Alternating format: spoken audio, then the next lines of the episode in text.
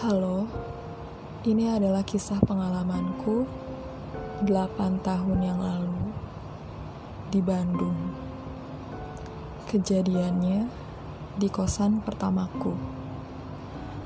Namaku Putri. Aku adalah mahasiswa dari Universitas Telkom, semester 3 di Fakultas Industri Kreatif. Aku tinggal di kosan Putri. Kosanku tidak jauh dari kampusku. Kosanku terdiri dari delapan kamar. Hanya ditempati lima orang, termasuk aku.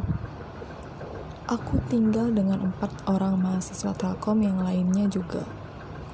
Tapi kita cukup akrab meskipun berbeda fakultas. Di siang hari pada hari Sabtu, aku, Lia, Audi, Mira merencanakan sesuatu untuk memberi sebuah kejutan ulang tahun untuk Anggi. Kemudian aku memulai bicara. Gimana nih untuk rencananya? Lia membalas, hmm, bagaimana kalau kita standby di depan kamar? Si Anggi lalu ketuk pintunya langsung bilang happy birthday. Lalu Audi membalas, hmm, ah gak seru, kurang deg-degan, kurang tegang. Aku membalas, jadi enaknya gimana nih? Mira membalasnya, bagaimana kalau kita speak-speak turunin saklar, seakan-akan mati lampu. Audi membalas, wah gue setuju, pasti seru. Aku membalasnya, oke, okay, gue setuju, tapi on time ya. Jam 11 malam udah harus keluar dari kamar masing-masing ya. Semua setuju dengan rencana ini. Malam pun tiba, dan tepat jam 11 malam, kita kompak untuk standby di depan kamar Anggi. Yang dekat dengan saklar. Aku pun mulai pembicaraan. Udah siap nih, gue hitung ya. Satu, dua, tiga. Kemudian Mira langsung menurunkan saklarnya dan serentak semua listrik mati. Setelah mati lampu, tiba-tiba terdengar suara perempuan bersenandung. Suara itu berasal dari pintu belakang yang tidak jauh dari kamarku. Suaranya kurang jelas. Bersenandung apa? Tapi terdengar seperti senandung lagu-lagu Jawa Sunda. Aku dan teman-temanku serentak terdiam, membatu, mendengarkan alunan senandung itu. Senandung nyanyian itu terdengar selama satu menit. Dan Mira buru-buru menaikkan saklar. Setelah itu, saklar dinaikkan dan lampu menyala. Senandung nyanyian itu langsung menghilang. Aku dan teman-temanku bergegas menyelesaikan kejutan ini ke Anggi. Lalu Audi mengetuk pintu dan kami memberikan selamat ulang tahun untuk Anggi. Anggi tampak ngantuk melihat kita, tapi dia terlihat bahagia dengan kejutan yang kita berikan. Dan kita menyembunyikan ketegangan yang telah kita alami barusan dengan senyuman dan ketawa bahagia untuk Anggi. Paginya aku dan teman-temanku membahas kejadian senandung nyanyian semalam. Kita masih membahas hal itu dengan menduga-duga. Dan kita sepakat selalu tidak melakukan rencana kemarin karena sangat berbahaya. Mengingat kosanku memiliki 8 kamar kosong ditempati 5 kamar. Jadi tiga kamar yang tersisa kosong gelap dan lembab. Dipercaya bahwa tempat seperti itu tempat yang disukai makhluk halus untuk berdiam. Sekian dari aku. Mari kita saling menghargai. Karena bisa jadi rencanaku dan teman-temanku mengganggu ketenangan mereka. Assalamualaikum warahmatullahi wabarakatuh.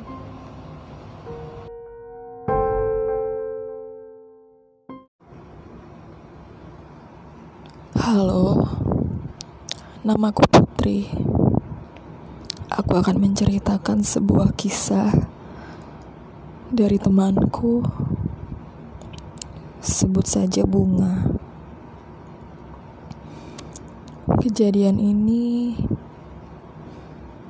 berada di suatu kota Bandung, tempat kos seminggu setelah temanku pindah. Hari itu, aku pindah kos baru yang gak jauh dari tempat pemakaman umum. Malam pertama dan kedua tidak ada masalah, tapi tidak dengan malam ketiga. Malam itu, kosku sepi karena rata-rata semua penghuni pulang kampung. Tersisa hanya aku dengan penjaga kos yang ada di kamar ujung paling dalam. Jelang tengah malam, aku terbangun karena seperti mendengar suara orang berlari. Aku mencoba tidak mempedulikannya. Namun, beberapa saat setelah memejamkan mata lagi, suara semakin keras dan pintuku diketuk beberapa kali. Aku mulai terganggu dan melihat keluar. Tidak ada orang. Kegelapan sepanjang lorong dekat dengan kamar penjaga kosku. Aku mulai kebingungan. Aku mencoba untuk tetap berpikir positif aku kembali tidur. Dan aku terbangun lagi karena suara ketukan pintu itu semakin keras dan dalam waktu yang lama. Aku putuskan untuk keluar kamar dan berjalan di lorong yang sepi itu. Aku menyalakan lampu, dan tiba-tiba aku melihat dua sosok hitam di ujung lorong dekat dengan kamar kos menjagaku. Aku terdiam, badanku lemas. Keduanya melihatku dengan mata merah menyala. Sosok itu kemudian seperti berlari ke arahku. Semakin dekat, dan cepat. Aku takut. Aku tidak bisa berteriak. Aku terdiam. Kemudian aku pingsan ketika mereka semakin mendekatiku. Paginya, aku dibangunkan penjaga kos. Dengan kondisiku berada di ujung dekat kamarnya. Itu adalah ujung lain dari tempat aku berdiri sebelumnya. Terima kasih sudah mendengarkan. Semoga dengan cerita ini, ketika kita melangkah, ketika kita ingin menelusuri, jangan lupa untuk berdoa. Halo, namaku Putri. Aku akan menceritakan sebuah kisah dari temanku yang bernama Bunga. Kejadian ini berasal dari kota Bandung. Seminggu tinggal di kos baru. Hari itu, aku pindah kos baru yang gak jauh dari tempat pemakaman umum. Malam pertama dan kedua tidak ada masalah, tapi tidak dengan malam ketiga. Malam itu, Kosku sepi karena rata-rata semua penghuni pulang kampung. Tersisa hanya aku dengan penjaga kos yang ada di kamar ujung paling dalam. Jelang tengah malam, aku terbangun karena seperti mendengar suara orang berlari. Aku mencoba tidak mempedulikannya. Namun, beberapa saat setelah memejamkan mata lagi, suara semakin keras dan pintuku diketuk beberapa kali. Aku mulai terganggu dan melihat keluar tapi tidak ada orang. Kegelapan sepanjang lorong hanya ada cahaya di ujung lorong, dekat dengan kamar penjaga kos. Aku mencoba untuk berpikir positif. Aku kembali tidur. Aku terbangun lagi karena suara ketukan pintu itu semakin keras dan dalam waktu yang lama. Aku putuskan untuk keluar kamar dan berjalan di lorong yang sepi itu. Aku menyalakan lampu, dan tiba-tiba aku melihat dua sosok hitam tinggi besar melihat ke arahku dengan mata merah dan menyala. Aku terdiam. Badanku lemas. Mereka berlari ke arahku. Semakin dekat dan cepat. Mereka berjarak tidak jauh denganku. Aku tidak bisa berteriak. Kemudian aku pingsan ketika mereka semakin mendekat. Paginya, aku dibangunkan penjaga kos. Dengan kondisiku ada di ujung lorong dekat kamarnya. Itu adalah ujung lain dari tempat aku berdiri sebelumnya.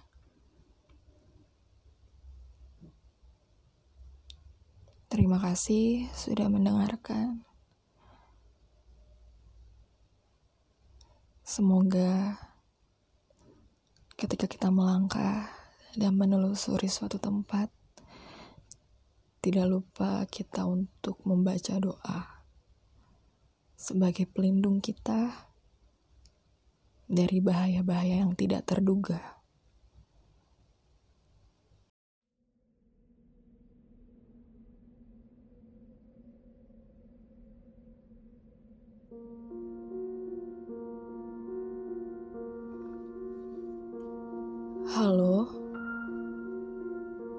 Namaku Putri.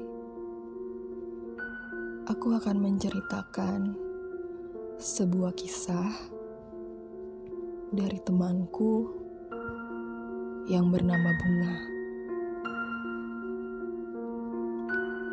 Kejadian ini berasal dari kota Bandung.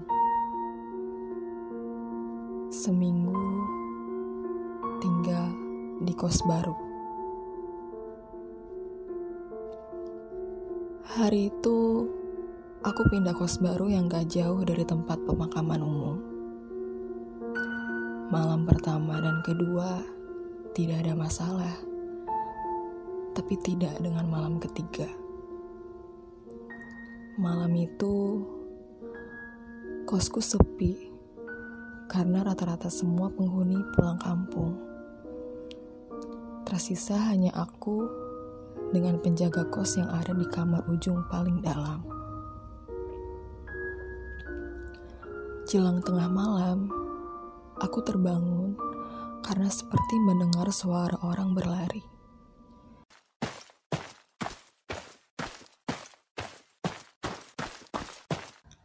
Aku mencoba tidak mempedulikannya. Namun, Beberapa saat setelah memejamkan mata lagi, suara semakin keras dan pintuku diketuk beberapa kali.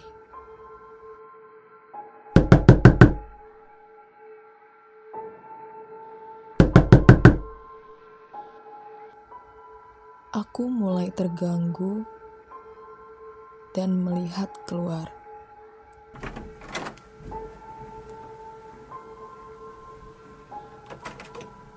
Tapi tidak ada orang.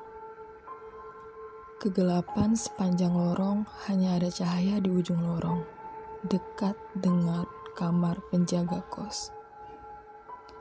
Aku mencoba untuk berpikir positif. Aku kembali tidur aku terbangun lagi karena suara ketukan pintu itu semakin keras dan dalam waktu yang lama.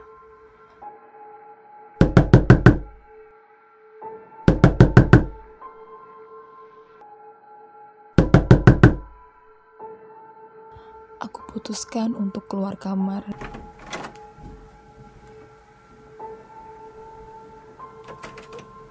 Dan berjalan di lorong yang sepi itu. Aku menyalakan lampu, dan tiba-tiba aku melihat dua sosok hitam tinggi besar melihat ke arahku dengan mata merah dan menyala. Aku terdiam, badanku lemas. Mereka berlari ke arahku. Semakin dekat dan cepat.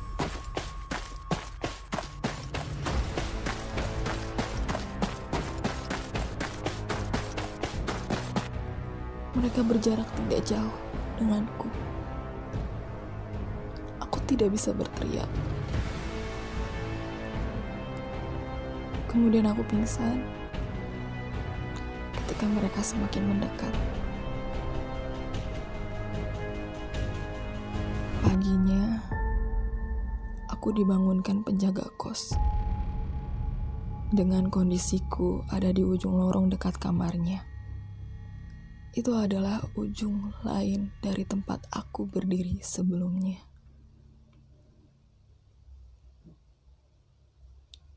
Terima kasih sudah mendengarkan. Semoga ketika kita melangkah dan menelusuri suatu tempat, tidak lupa kita untuk membaca doa sebagai pelindung kita dari bahaya-bahaya yang tidak terduga.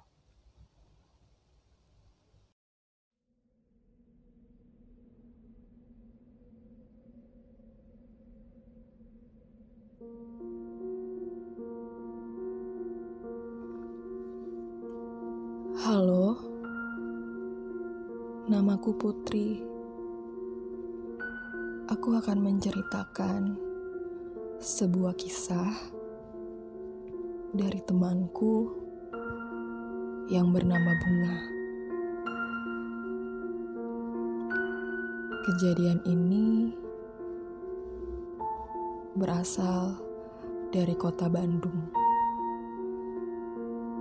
Seminggu tinggal di kos baru. Hari itu, aku pindah kos baru yang gak jauh dari tempat pemakaman umum. Malam pertama dan kedua tidak ada masalah, tapi tidak dengan malam ketiga. Malam itu, kosku sepi karena rata-rata semua penghuni pulang kampung. Tersisa hanya aku dengan penjaga kos yang ada di kamar ujung paling dalam. Jelang tengah malam, aku terbangun karena seperti mendengar suara orang berlari.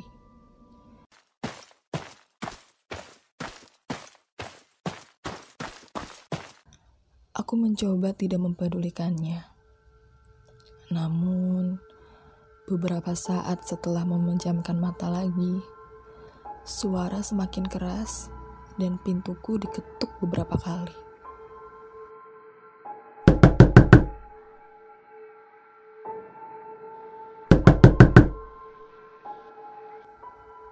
Aku mulai terganggu dan melihat keluar.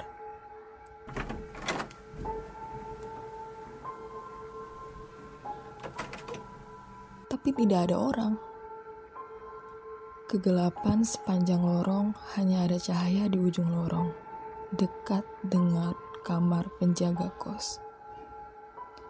Aku mencoba untuk berpikir positif.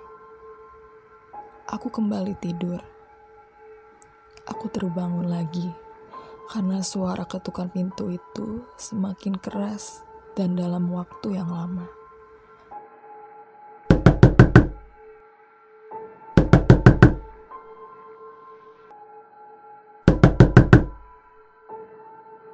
Aku putuskan untuk keluar kamar.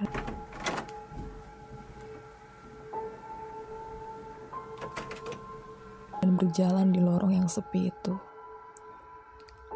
Aku menyalakan lampu. Dan tiba-tiba aku melihat dua sosok hitam tinggi besar melihat ke arahku dengan mata merah dan menyala. Aku terdiam. Badanku lemas. Mereka berlari ke arahku. Semakin dekat dan cepat.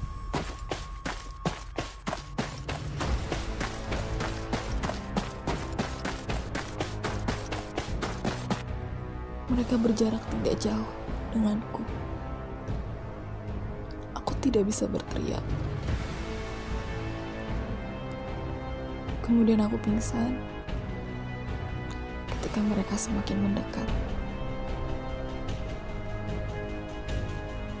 Paginya, aku dibangunkan penjaga kos.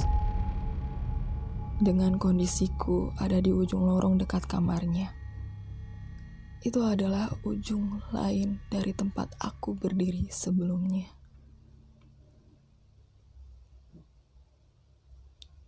Terima kasih sudah mendengarkan.